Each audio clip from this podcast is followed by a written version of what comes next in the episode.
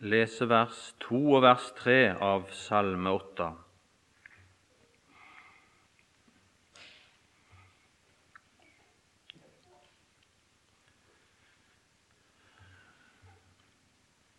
Med innledningen så blir det sånn da til sangmesteren etter Gittit, en salme av David. Herre, vår Herre, hvor herlig ditt navn er over all jorden. Du som har utbredt din prakt over himmelen. Av barns og diebarns munn har du grunnfestet en makt for dine motstanderes skyld for å stoppe munnen på fienden og den hevngjerrige. Skal vi vende oss i bønn først? Ja, Fader, vi kommer til deg i den Herre Jesu navn, og vi vil lese ifra ditt ord i i denne åpne bekjennelse av at vi er avhengig av din hjelp og Den hellige ånds styrke for å kunne både lese sjøl hver enkelt motta disse ting. Vi ber derfor om din støtte, om din styrke, om din opplysning, til hjelp for hver og en av oss og til ære for dette navn som vi sang om. Amen.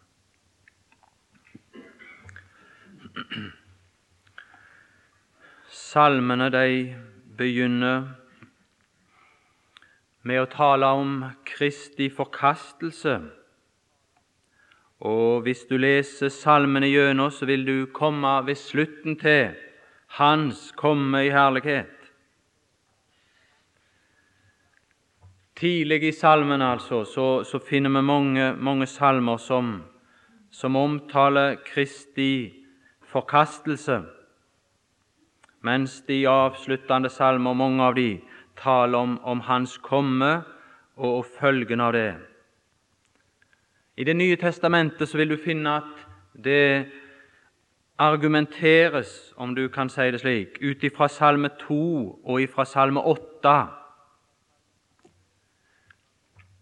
Salme 2 den danner en, slags begynnelse, en slags basis her. Hvis du uh, slår opp der, så, så vil du finne at Kristus kommer fram der som Herrens salvede. I de første par versene så reises det en opposisjon imot Han som Herren har salva. Og Det nye testamentet, hvis du tar tid Nå skal vi ikke ta tid til i fellesskap i alle fall å lese det, men i apostelgjerningene 4, 25 og 26 så vil du se at det er utleggelsen av denne salme. At den taler om den Herre Jesus og hans forkastelse. Det kom et spørsmål her, og det er dette liksom Hvem er det som skal ha jorden? Hvem er det som skal ta den i sin besittelse? Hvem er det som skal ha den i sitt eie? Her er det en, salve av Gud, innsatt med rett til den. Fra Guds hånd så kommer det en opposisjon med en gang. Og det er en samla opposisjon. De står fram, de reiser seg, de står i sammen mot Han som Gud har utpekt. Men Salmene vil, om du leser gjennom de, ta opp dette spørsmål og besvare dette spørsmål om hvem det er som skal ha jorden. Det er Guds salvede som skal ha jorden. Se i det sjette vers der i Salme 2. Og jeg har dog innsatt min konge på Sion. All opposisjon til tross, Guds konge skal innsettes. Guds utpekte skal ta i besittelse. Det er bare et tidsspørsmål. Alt avhenger nå av Hans ord og Hans bønn. Det åttende vers i Salme 2 det forteller oss at eh, Det avhenger nå av hans bønn. Begjær av meg, sier Herren, så vil jeg gi deg. Da skal du få ta det eie. Hedningene til arv og jordens ender til eie. Alt henger nå på Han, altså. Forkasta er Han, men Gud har ikke oppgitt sin plan. Men når han nå ble forkasta, det ble han, så viser salmene som viderefølge at det, hans forkastelse altså, på en måte bare var årsak til at en større og videre, et videre område av Hans herlighet nå blir gjort kjent. Og det er det vi kommer til i den åttende salmen.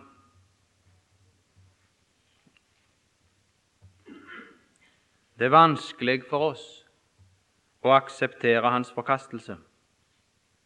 Det er veldig vanskelig. Peter sier i sitt første brev som vel ble forkastet av mennesker. Dere er vel kjent med det? Dere har vel akseptert det? Dere har vel godtatt det?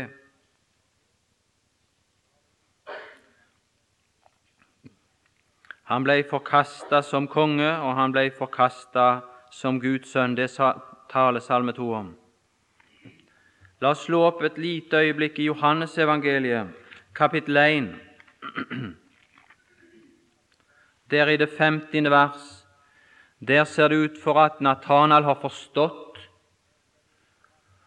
og erkjent sannheten som uttrykkes i Salme 2. For det er nemlig disse to ting som der er sagt, som Nathanael tar på sine lepper, til tross for han ser at tingenes tilstand er langt annerledes enn at de er innordna, underordna Han. Fra Nasaret. Josefs sønn, ble det sagt. Nei, her, er tingene ut av sånn som de burde være. Slik forstår Natanael det tydeligvis. Og så sier han da i det 50. vers Rabbi, du er Guds sønn, du er Israels konge. Alt til tross så er du den. Men da fordi han er forkasta og ikke inntar den plass nå med en gang. Han skal det en dag.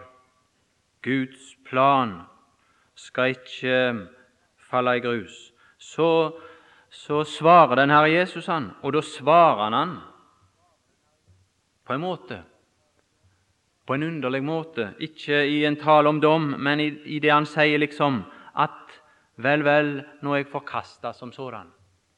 Men, men det skal ikke hindre meg. Derfor så står det i det 51. vers Jesus svarte og sa til ham, fordi jeg sa det at jeg så deg under fikentreet, derfor tror du. Og hans tro er uttrykt i det 50. vers. Du skal få se det som større enn dette. Det er noe større enn det som Salme 2 taler om. Det er en videre herlighet som den Herre Jesus besitter, som den Herre Jesus en dag skal framtre i. Det er større, noe som er større. Større enn det som Salme 2 taler om. 52. Og han sa til ham, Sannelig, sannelig, sier dere, dere skal se himmelen åpnet, og Guds engler stige opp og stige ned over menneskesønnen. Han er det vi finner. Han er det vi finner i Salme 8. En større herlighet enn den den Herre Jesus har rett på i kraft av å være Davids sønn, i kraft av at han er Guds konge på Sion. Så ble han forkasta, men det frustrerte ikke hans plan. Det bare åpner opp for en videre herlighet, og, og den gjøres kjent for oss. Men i, i, i mellomtida, kan du si, de salmene som går igjennom, de, de forteller om det følgen av at han ble forkasta, kunne du nesten si. Det blir trengsler, det blir vanskeligheter som med, det medfører for de som forbinder seg til Han som er forkasta. Og noe av dette må, blir det òg vår lodd å få del i under hans forkastelse. Men herlighetens dag taler Salme 8 om. Og lyset fra den herlighetens dag, om den kan skinne inn i våre hjerter, mens vi i de kår som du kan si salmen imellom disse to salmer taler om, så skal det lette vår gang og styrke de vaklende knær. Vi skal lese et vers om det. Jeg kunne tenke meg å bare stille tre innledende spørsmål som kunne lede oss til denne salm 8, til dens innhold, og, og liksom på en måte, i alle fall slik har det vært for meg, sette oss litt på sporet til hva den taler om. Først så kan vi spørre dette, stille dette spørsmålet Hvem er det Salm 8 taler om, og gjør det klart? Det er Kristus som menneske, Sønnen, som er satt over hele jorda som sitt herredømme. Jeg, jeg, leser ikke noe sted om det, for det skal jeg senere gjøre, fra Det nye testamentet. For denne salmen er nemlig sitert fire ganger i Det nye testamentet, og de sitat skal vi opptas litt med. Men vi kan bare minnes det vers som uh, finnes i Hebreerbrevet kapittel 2 vers 9, der det står om Han som er gjort ringere. Og så kommer det med en gang Jesus. Ja, det er han, det. Ja, det er en underlig gåte, men, men han er det. Jesus, ham ser vi fordi han led døden kronet med herlighet og ære. Så kan vi spørre hva taler Salm 8 om? Da må vi òg henvende oss til Hebreerbrevet, og vi går til kapittel 2, og vi leser vers 5 og vers 6, uten at vi går noe mer inn på det nå. Bare for å ha angitt det emnet, og, at det ikke skal bare være min innleggelse, men at det om mulig kunne være i samsvar med Skriftens utleggelse av Salm 8. Det som jeg måtte si. Se der i Hebreerbrevet 2,5. Der står det en påstand skal komme tilbake til det. Men for det var ikke under engler han la den kommende verden. Altså den kommende verden. Som vi taler om. Det har han gjort i kapittel 1. Men så, nå fortsetter han. Se i vers 6. Men én har på et sted vitnet så, altså om den kommende verden. Og så kan du bare se for din del at det siteres ifra Salme 8. Den åttende salme altså har som sitt innhold og emne Kristus som menneskesønn i forbindelse med den kommende verden.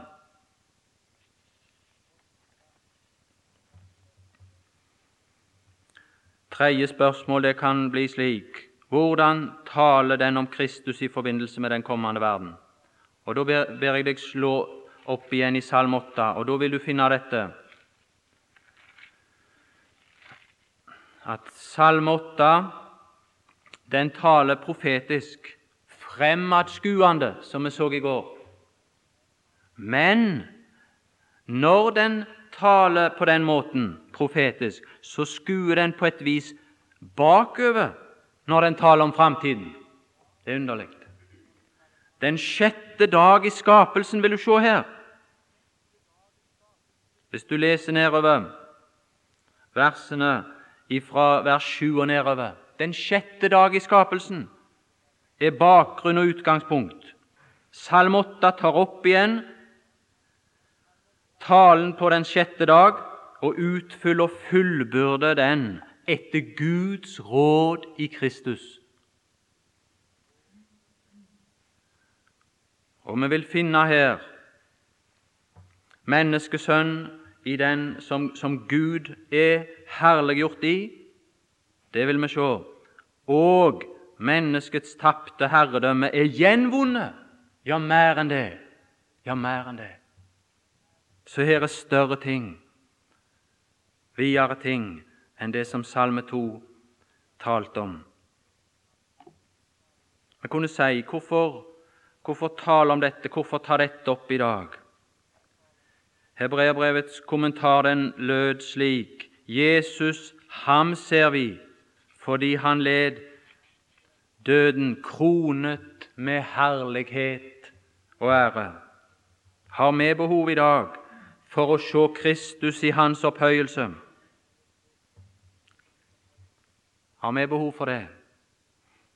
Vi vil se når vi kommer tilbake til hebreerbrevet, at, at disse troende som var i vanskeligheter, i lidelser, i forfølgelser, i motgang De hadde behov for det.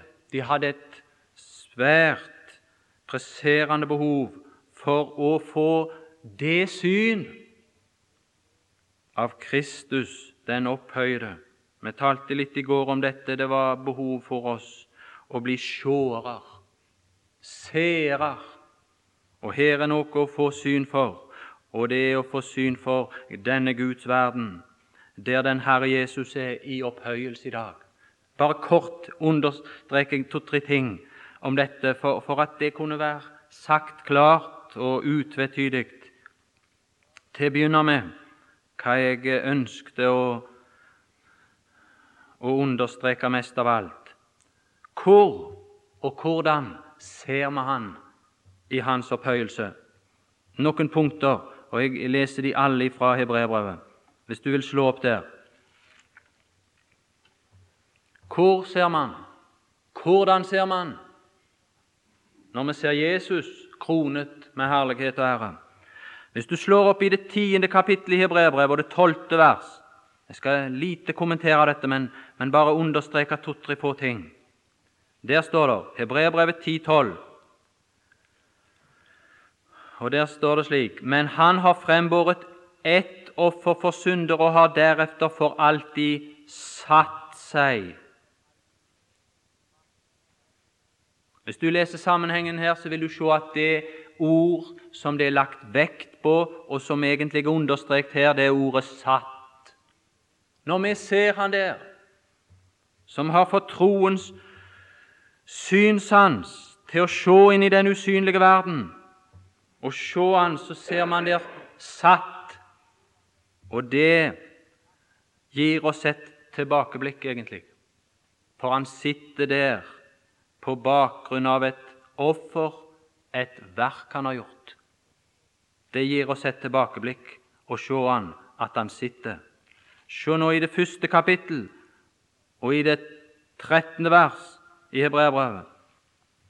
Der er en annen ting lagt vekt på når vi nå ser han der.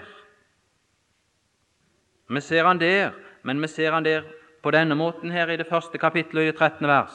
Sitatet kommer slik.: Sett deg ved min høyre hånd til Altså inntil. Det peker tilbake når han sitter. Han sitter nemlig på et fullbrakt verk i kraft av sitt fullkomne offer.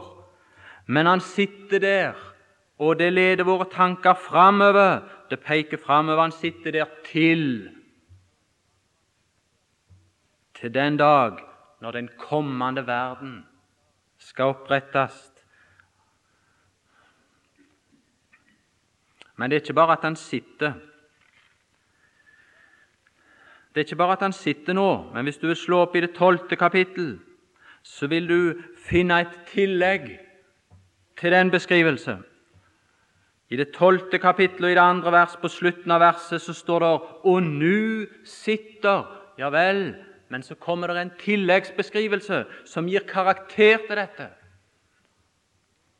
Han sitter nå sitter på høyre side av Guds trone. Han sitter ikke bare, han sitter på ei trone der han sitter.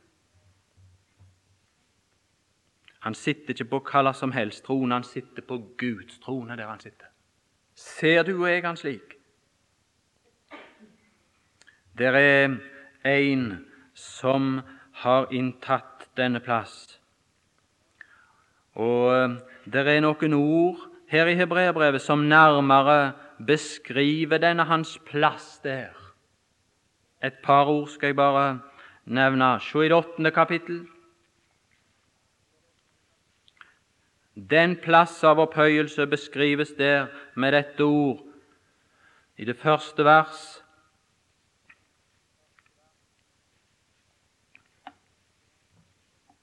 Og det er en selvfølgelig og naturlig egenskap når den trone beskrives. Der står det 'majestetens trone'. For et herlig uttrykk. Og se at vår mann, om du vil, han som vi skal finne gikk en, i en annen retning, i en retning av fornedrelse, han har nå inntatt den storhetens trone, den majestetens trone. Og der legges det i det første kapittelet og i det tredje vers enda et annet uttrykk til, og det skal vi finne samsvaret med det Salme 8 taler om. Der står det i første kapittel, tredje vers, etter at det samme er sagt som er sagt i det åttende kapittel, majestetens høyre hånd, der sitter han, ja, i det høye, i det høye. Storhet, majestet og høyhet beskriver den plass den Herre Jesus nå i suveren rett har inntatt i kraft av sin person. Det er et påtrengende behov for disse hebreere å se dette.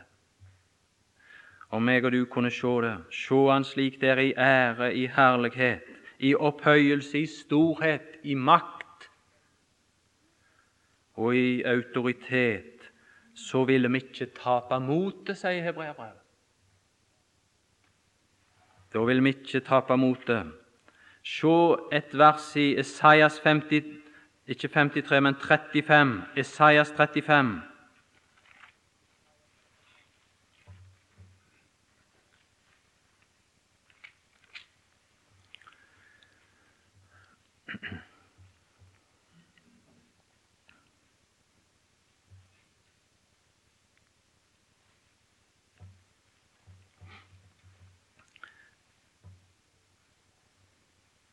Der finner vi noen som er i, i vanskelige forhold, og det kan synes som om det tapper de for krefter å gå gjennom disse ting. Og, og de blir slappe, og, og, de begynner å vakle. Men, men, men så får profeten da i oppdrag dette å, å framstille for dem den herlighet som eh, snart skal opprinne. Se i det andre vers. Den skal blomstre og juble, ja, juble og synge med fryd. Libanons herlighet er gitt den, Karmels og Sarons prakt. De skal se Herrens herlighet, vår Guds prakt. Legg merke til det nå med en gang, for vi kommer tilbake til det i Salme 8. Vår Guds prakt det er det samme som Hans herlighet. Men å se det, har det noen virkning? Å se det på forhånd når du er i vanskeligheter, og veien er vanskelig, lidelsene kan komme på, motstand og forfølgelse, del i hans forkastelse, ingen lett sak. Kan det, kan det være av noen betydning å se Hans prakt, Hans herlighet på forhånd? Ja, se det tredje vers. Styrk de slappe hender, gjør de vaklende knær sterke. Synet av dette på forhånd inngir en livoppkvikkende kraft til disse. Vers 4.: Si til de urolige hjerter, ut ifra dette syn, så er det noe å si sjøl til de urolige, vær frimodige, frykt ikke, osv.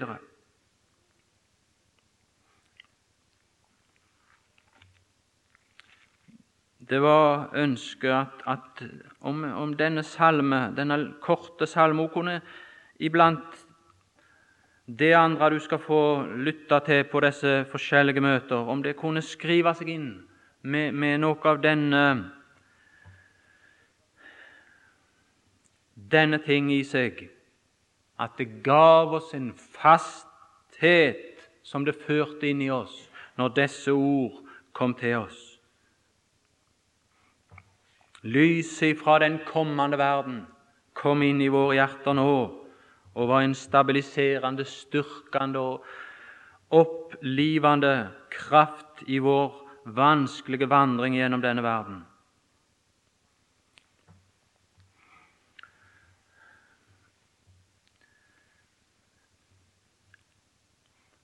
Vi leser da de to første versene og prøver å stanse litt for dem i resten av, av denne timen. Vi ser altså her den Herre Jesus Og jeg sier det litt på forhånd, selv om det vil gå ut av tingene sånn som det vil vise seg etter hvert når vi skal lese de nytestamentlige sitat og, de, kommentarer som knyttes til det. Så, så tror jeg vi skal se det. Men jeg sier det allerede på forhånd. Det viser oss her herlighetens dag opprunden. den kommende dag opprunden. den kommende verden opprunden. Og det vil inntreffe selvfølgelig og begynne ved den Herre Jesu Kristi komme i makt og herlighet. Da skal jeg bare lese et vers fra Lukas evangeliet som jeg tror er nødvendig å ha med oss her. Lukas evangeliet 9, 26 kan vi lese.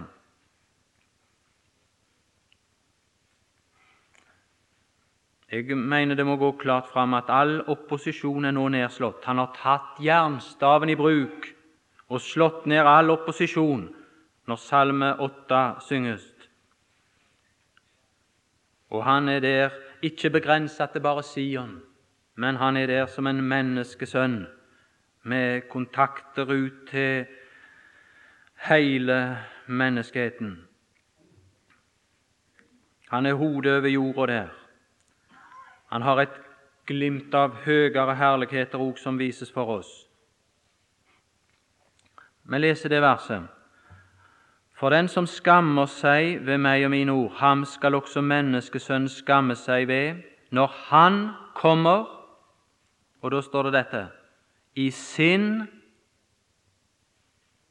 i Menneskesønnens herlighet, altså, og sin Faders herlighet og de hellige englers herlighet går det fram her at den Herre Jesus da vil komme. Og Det som jeg bare vil at vi skal ta med oss ut av det verset, det var og sin Faders. Når Han den dag kommer, så vil Han komme i sin Faders herlighet og framvise den i tillegg til sin herlighet som menneskesønn, og andre sider selvfølgelig. Men det Salme 8 forteller da, det er at han inntar den arv som Salme 2 talte om. Han hadde som sinn fritt til å utbe seg av Faderen. Begjær av meg, så, så får du den arv. Og nå har han inntatt den. Og så gjørs Herrens navn herlig over hele jorden. Skal vi bare lese et par vers fra profeten Sakarias?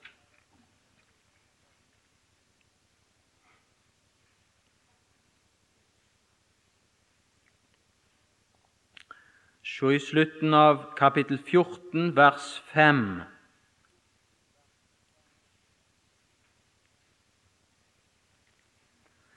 Sakarias 14, vers 5 på slutten der, så står det da skal Herren, min Gud, komme. Altså i Kristi person, og alle de hellige med ham, med deg, min Gud. Og så det niende vers. Og der står det slik Da skal Herren bli konge over hele landet. På den dag skal Herren være én og hans navn ett. Ja vel, men Herrens navn er jo ett i dag òg. Herren er én i dag òg, men da skal han være anerkjent som dette, og alt annet skal være utrydda. Og han skal være anerkjent på denne måten. Herre, vår Herre, hvor herlig ditt navn er over all jorden. I Bibelen så finner vi dette at navn det står for den åpenbarte sannhet om hvem en person er, og hva den personen er. En dag når den Herre Jesus kommer i sin makt og herlighet og skal framvise seg som menneskesønn og framvise Faderens herlighet, så skal det bli noe som skal framvekke sang, gjensvar ifra denne jord, ifra denne verden, Hans navn, den åpenbarte sannhet om hvem han er, det, det skal betraktes som, som slik som salmen begynner Hvor herlig ditt navn er. Hvor herlig er du i din åpenbarelse, i din åpenbar eh, karakter. Og så står det videre 'du som har utbredt din prakt'. Og Det så vi fra Esaias 35. Din prakt, det var hans herlighet. Du som har utbredt din prakt over himmelen. Til meg taler dette om en enkel, grunnleggende, men for meg vidunderlig sannhet. Åpenbarelsen av Gud er herlighet. Når Han gjøres kjent, så åpenbares det en herlighet. Hans prakt.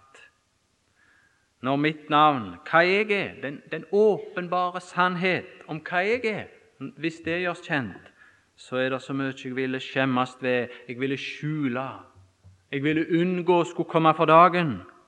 Men du, nå, nå, nå er det lite av Herrens navn som er kjent i denne verden, men den dag, i den kommende verden, når Herrens navn skal bli gjort kjent, og den åpenbare sannhet av hva vår Gud er, skal stråle fram, da skal han utbre sin herlighet.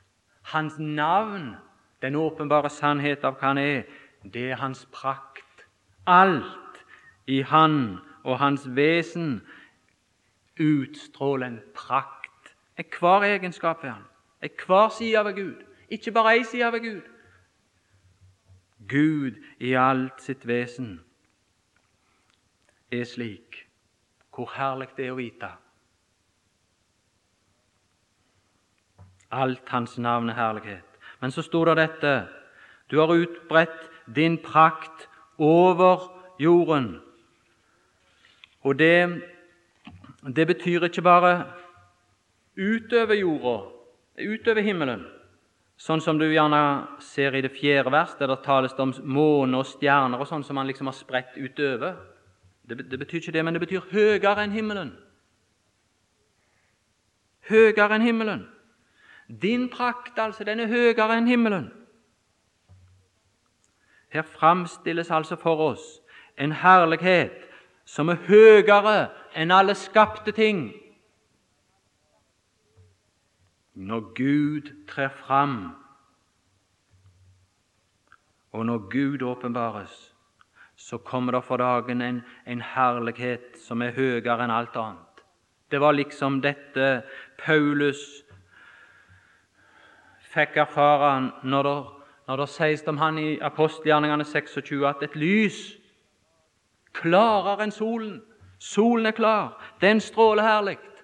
Men det som jeg møtte, sier Paulus, det var noe som overgikk alt det skapte, i sin herligste utgave, klarere enn solen. Og hvor det, om det lys kunne stråle inn i sin kraft i våre hjerter, nå i denne mørke, vanskelige tid, så ville det gi oss noe mer styrke. Våre vaklende knær ville bli litt mer stødige i sin gang.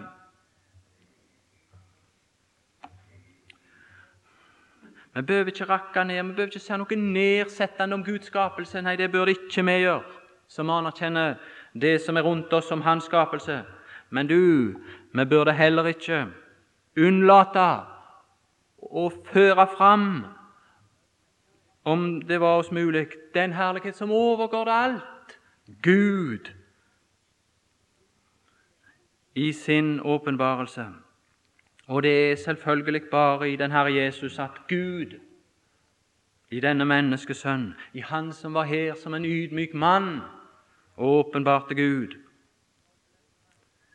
Det skal skinne ut en dag, alt det som der var framstilt i hans person. Det, det, det er ikke godt tapt, det. Det skal skinne fram en dag.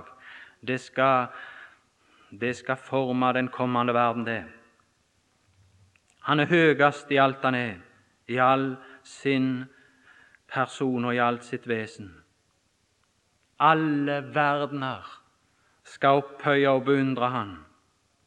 I Hans navn så er det en slik indre storhet som skal stråle fram, og, det skal skje, det skal skje gjennom menneskesønnen. Bare la oss ta med et vers i Esaias 11, 9, sånn at ikke dette bare blir litt for mye av mine, mine tanker knytta til dette, så ikke jeg skal forme det i ditt sinn, men at Guds ord kunne forme disse ting i, i våre hjerter. Esaias 11,9, der står det om den kommende verden. Slutten av verset for jorden er full den dag skal jorden være full av Herrens kunnskap. Hvis du nå tenker tilbake til Hebreabrev 8, som du sikkert kjenner, så står det at det skal ikke være nødvendig at i alle fall i Israel, at noen skal lære en annen sin landsmann Herren og si 'Kjenn Herren'. De skal alle kjenne meg. Og det i kraft av den nye pakts kunnskap om Gud. Det er herlig å tenke seg jorden skal være full av Herrens kunnskap, like som vannet dekker havets bunn. Ja vel, la det ligge, men, men la oss ikke forlate det uttrykk 'over himmelen', Hans prakt, Hans herlighet. Når, når disse dimensjoner opp ned og skaperverket tas i bruk, så sprenges det når Han kommer inn i egen majestet og skal framtre her så sprenges liksom den lille ramme som skaperverket er. Og at, at, at, noe av dette kunne sprenges i vårt sinn òg. At Herrens storhet kunne nå oss, mens alt annet rundt oss er så stort.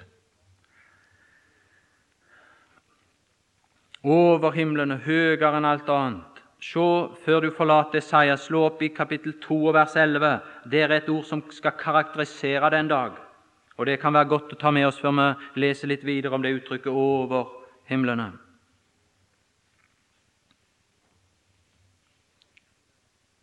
Der står det Esaias 2,11. Menneskets stolte øyne blir ydmyket. Ja, det er de ikke i dag. Det er det ikke i dag. Verden er karakterisert av kjødets lyst, øynenes lyst, og de ser, og så resulterer det i storaktighet i levnet. Men på den dag som nå omtales her, menneskets stolte øyne blir ydmyket, og mennenes stolthet blir bøyet. Da er det ingen storhet iblant mennesker på den måten. Og så kommer det Og Herren, Herren alene er høy på den dag. Herren alene er høy på den dag. Det er den Salme 8 vers 2 taler om. Han som er som nå har utbredt sin prakt over himmelen. Vi finner dette uttrykk over himmelen igjen to-tre andre plasser i salmene. Jeg skal lese bare ett av dem, nemlig Salme 113. Vil du slå opp den? Salme 113. Der vil du finne at det igjen er Herrens navn for sin egen skyld som er gjenstand for lovprisning. Bare se der i det andre vers. Herrens navn være lovet. Ja, og merk deg det Han er. Hans navn uttrykker det Han er. Den åpenbarte sannhet om hva Han er. Det Han er, det vil Han alltid forbli. Og derfor så står det 'lovet', Herrens navn være lovet, fra nå av og inntil evig tid. Han forblir det som gir grunnlag for lovprisning i dag. Det forblir Han. Og Derfor så forblir lovprisningen til evig tid. Og Begrunnelsen for denne lovprisningen er det vi skal lese i den 113. salme. Men før vi gjør det, så vil jeg bare gjøre oppmerksom på én ting, og det er en kjent ting for sikkert de fleste av dere. Men det er på et vis, om du kunne si det sånn, rørende å tenke på. For den 113. salme og vi kan gjerne lese den i det lys. Den sang den Herre Jesus på vei til sin djupeste fornedrelse. Hvis du vil eh, lese Matteus 26, 30, så står det etter at de hadde feira nattverden, så står det at de sang lovsangen før de gikk ut. Og da vet vi hvor den veien enda. Og det var en kjent ting for alle jøder at den lovsangen som ble sunget i forbindelse med påske, det store hallel, som det kaltes, det begynte med salme 113, og det var de følgende salmer til og med 118. På vei til sin djupeste fornedrelse så sang den Herre Jesus denne salmen. Ofte synger vi uten at jeg tror vi egentlig fatter hva vi synger. De sang med han den gang, hans disipler. Hva de fatta av det, det tror jeg var lite. Men den Herre Jesus hadde full innsikt i disse ting, og hva det må ha rørt i hans hjerter, det kan vi lite forstå. Men det som da kom til uttrykk, til et evig uttrykk, til et evig uttrykk i hans fornedrelse For aldri mere skal det skje at du lider korsets død. Det, den nedstigende kjærlighet, det, det skal, skal, gjøres kjent en dag, som Salme 8 forteller. Vi ser litt der på Salme 113. Se der i det fjerde vers. Der står det 'Herren er opphøyet over alle hedninger'. Hans ære er over himmelen. Og det er samme uttrykk høyere enn himmelen. Så fortsettes det i neste vers, og, og da begynner det å gis en begrunnelse for hvorfor hans navn er slik æreverd, og hvorfor en universell lovprisning oppfordres til her. Hvem er som Herren vår Gud, Han som troner så høyt?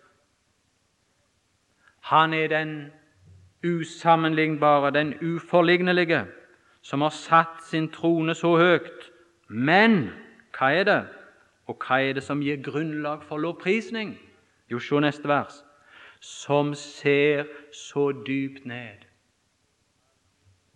Egentlig så burde det vært oversatt litt annerledes. Det burde vært oversatt sånn, for det er et mye sterkere uttrykk enn 'ser ned', bare.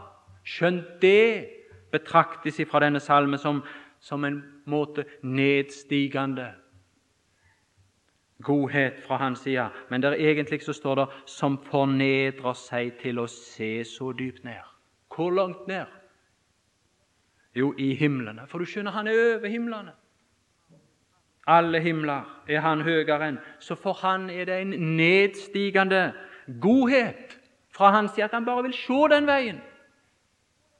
Til himlene, de som vi ser opp til med beundring fordi de er så høye. Salm 8 skal vi også finne tale om hans fornedrelse.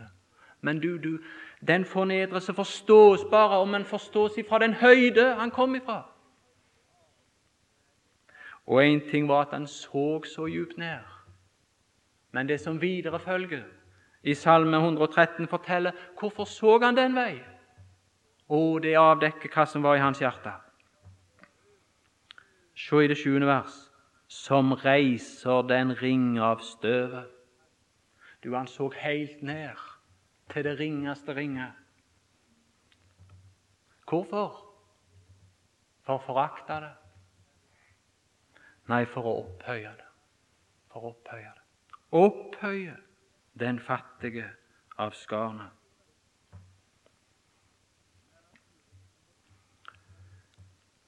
For en et vidunderlig navn Herren har. For en, et vidunderlig vesen som er Herren. For et vidunderlig grunnlag for lovprisning når dette vesen avdekkes i at Hans navn gjøres kjent. Da utbredes det en herlighet. Alt hans vesen har en herlig karakter. Det er en prakt. La oss bare se litt på til vers 3. Der, der finner vi at det er fiender, og det er hevngjerrige, og du vil se litt motstandere, men nå er de utrydda. Nå er Herren den suverent opphøya og alene høg, og all motstands lyd er tilintetgjort. Men, eh, men noen er bøya gjennom disse ting. Gjennom omvendelse, og at de Når Herren måtte slå ned opprøret, så var det noen som var bøya gjennom Herrens gjerning, gjennom Herrens virksomhet i deres hjerter og i deres munn er der, er der grunnfesta en makt, sies det her. Det er grunnfesta en makt i deres munn. Vi vil se litt på dette sted når det siteres i Matteus 21. Kan vi slå opp der, kanskje? Matteus 21.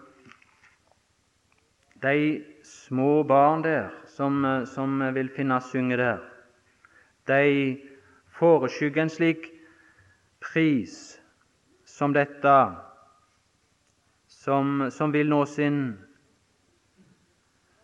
sin virkelige oppfyllelse i den kommende verden. Men her var det lite, et lite forspill, kan du si. En, li, en lite Tonen ble anslått. I Matteus 21 så finner vi den Herre Jesus komme som Davids sønn men han blir forkasta. Hvor kom han? Han kommer til Jerusalem. Og der er de da som vil stoppe munnen på de som synger hans pris. Men Herren stopper munnen på disse Herrens fiender, og det er de skriftlærde og ypperste prestene som her er nå er fiendene. I vers 16 kan vi se 21, 16. Hør Hører du hva disse sier? Det er en innebygd anklage i det spørsmålet. Det var klart hva de var ute etter. Og Så kommer det Men Jesus sa til dem, Ja, har dere aldri lest? Av umyndiges og diendes munn har du beredt deg lovprisning. Egentlig så skulle her ha stått Har du fullkomnet deg lovprisning? Altså, du har brakt fram fullkommen lovprisning. Du har brakt en sørga for fullkommen lovprisning. Hans fullkomne åpenbarelse en dag skal få et gjensvar. Og her var det noen som gav et svakt gjenklang av det som en dag skal skje i den kommende verden. Men vi legger merke til her at den hebraiske tekst i Salme 8 den har grunnfestet en makt,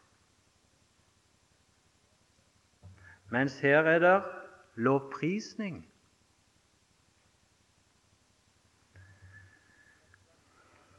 Septuaginta det er gjengitt det sånn som vi har det her i Matteus 21. Og det må da være en rett tolkning av den hebraiske tekst, som den Herre Jesus sanksjonerer, altså. Det mektige kor av disse små reiser seg som en festning mot Herrens fiender, så de synker i taushet. Det er en forunderlig forbindelse mellom makt og lovprisning. For lovprisningen setter Han på tronen. Den gir Han den rette plass.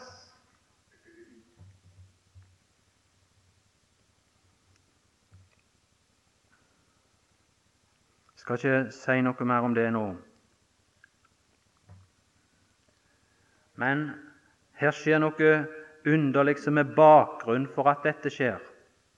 Det 14. vers, 21, 14. Se der. Og det kom blinde og halte til ham i tempelet, og han helbredet dem. Det jeg vil si, er at her er det noe ekstraordinært å legge merke til, for dette er den eneste gjengitte helbredelse av den Herre Jesus som fant sted i tempelet. Og dermed så må det være i høyeste grad betydningsfullt. Det som er det ekstraordinære utover det igjen, det er dette at de går inn der i tempelet i dets forgårder selvfølgelig og blir helbreda. Nå er den Herre Jesus utropt her, selv om han ble forkasta, som Davids sønn. Han gjør sitt inntog i Jerusalem.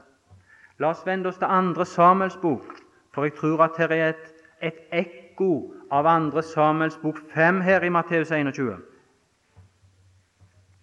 Nå får du etterprøve dette og hvorvidt det er en holdbar påstand. For meg synes det er klart. Andre Samuels bok, kapittel 5. Det var vi litt bortom i går, denne ting. At Sion skulle inntas.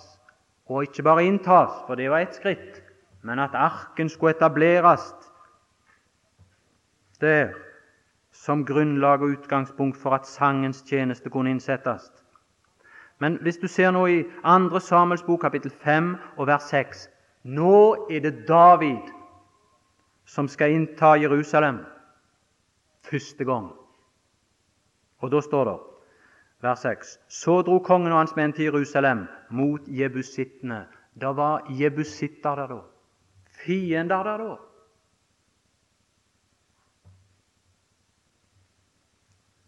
Det var fiender når den Herre Jesus kom. Hvem var det? De skriftlærde yppersteprestene. Jebusitter, det er sånne som trår ned. Det var noe når den Herre Jesus kom. Skriftlærde og ypperste prester som trådte ned og ødela og hindra Guds tjeneste og Guds sannhet. Som bodde der i landet. Men de sa til David, 'Du kommer aldri inn her.' Nei, vår festning den er sterk. Den er så sterk. Og så kommer det 'Blinde og lamme skal drive deg bort'. Med de ord David kommer aldri inn her. Altså, vår festning er så sikker, Sions festning er så sikker, at vi kan sette blinde og lamme til å forsvare vår festning. Du kommer aldri inn her. Ja vel, så står det i det sjuende vers Men David inntok allikevel Sions borg. Det er Davids stad. Og så kommer det en, en ting her i det åttende vers. Den dag sa David Vær den som slår jebusittene og trenger frem til vannledningen og slår de lamme og blinde. Nå bruker han det ordet. Og så på den måten karakteriserer han alle disse jebusittene, de som hadde hånet han på denne måten. De lamme og de blinde.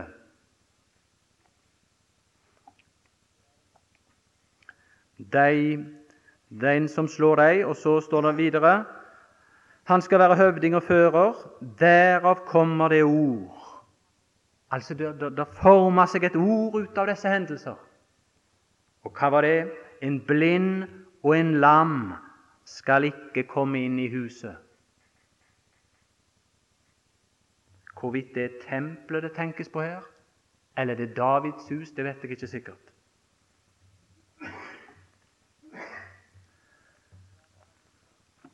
Men i alle fall når vi kommer til Det nye testamentet, så finner vi her ved den eneste anledning når den Herre Jesus helbreder noen i tempelet, så helbreder han det som står blinde og halte den gang når han inntar Jerusalem. Så er det nå skjedd noe forandring. Nå ønsker han de velkommen her. Nå tar han de inn her, og han seier over disse ting ved å fjerne disse ting, ved å ta bort deres udyktighet til å se og til å gå.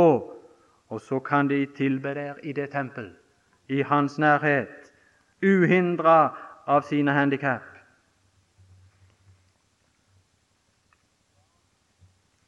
Når David hadde fått arken i Sion, det som vi bare så vidt streifa i går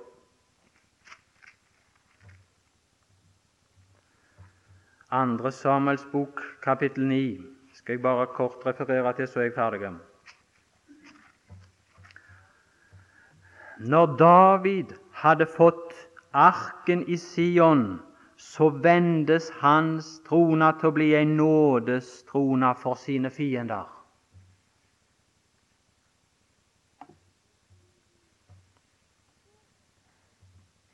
Og en historie stikker seg fram med en gang. Se i 2. Samuels bok, kapittel 8, 15, er det en oppsummering av hans regjering og han her, herrevelde nå, etter at i det sjette og sjuende kapittel arken var brakt i Sion. Hva er det første David begynner å spørre etter? Han begynner å spørre etter en lam. Han begynner å spørre etter en lam. En som ikke kunne gå. Og så tar han han inn i sitt hus. Det kan du lese om sjøl. Det niende kapittelet er en historie om dette.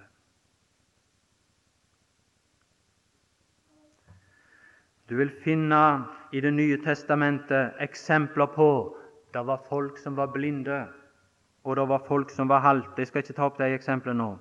Og de var utenfor tempelet. Fariserene og de skriftlærde gav seg ut for å se, men de var blinde. Ypperste prestene, som skulle være i stand til å gå inn i Herrens helligdom, de var udyktige til å gå inn. For ifølge Tredje Mosebok Det må vi ta med òg, tror jeg. Tredje Mosebok 21, 17 og 18, så er det to ting som spesielt udyktiggjorde en prest til å tjene i tempelet. Og det var blindhet og halthet 3. Mosebok 21, 17, at tal til Aron og si ingen av de nett, enten nå eller i de kommende tider, som har noe lyte, skal trede nær for å bære frem sin Guds mat. Ingen som har noe lyte, skal trede nær. Ingen som er blind eller halt, eller har noe ansiktslyte osv. For en uh, vidunderlig mann som er på tronen i dag, som kan i dag helbrede det syn som måtte være dårlig, og at det kunne skje opp på denne måten, at jeg og du i vår tro stadig kunne få et klarere syn inn i den usynlige verden. Disse ting som omgir Gud og Hans trone, at det kunne sees klart av oss og den mann i opphøyelse som snart skal stige ned og gjøre dette synlig for alle og enhver. Og at vi enhver måtte være helbreda for en sånn skrøpelighet som ikke kan tre inn, tre inn der. Som prest og i dag bære fram vår lovprisning, skal vi be. Herre Jesus, jeg ber om at ditt ord som har lest, de mange ord, kanskje ved Den hellige ånd kunne tas vare på i våre hjerter, og at vi kunne grunne videre på disse ting. Noe av det var kanskje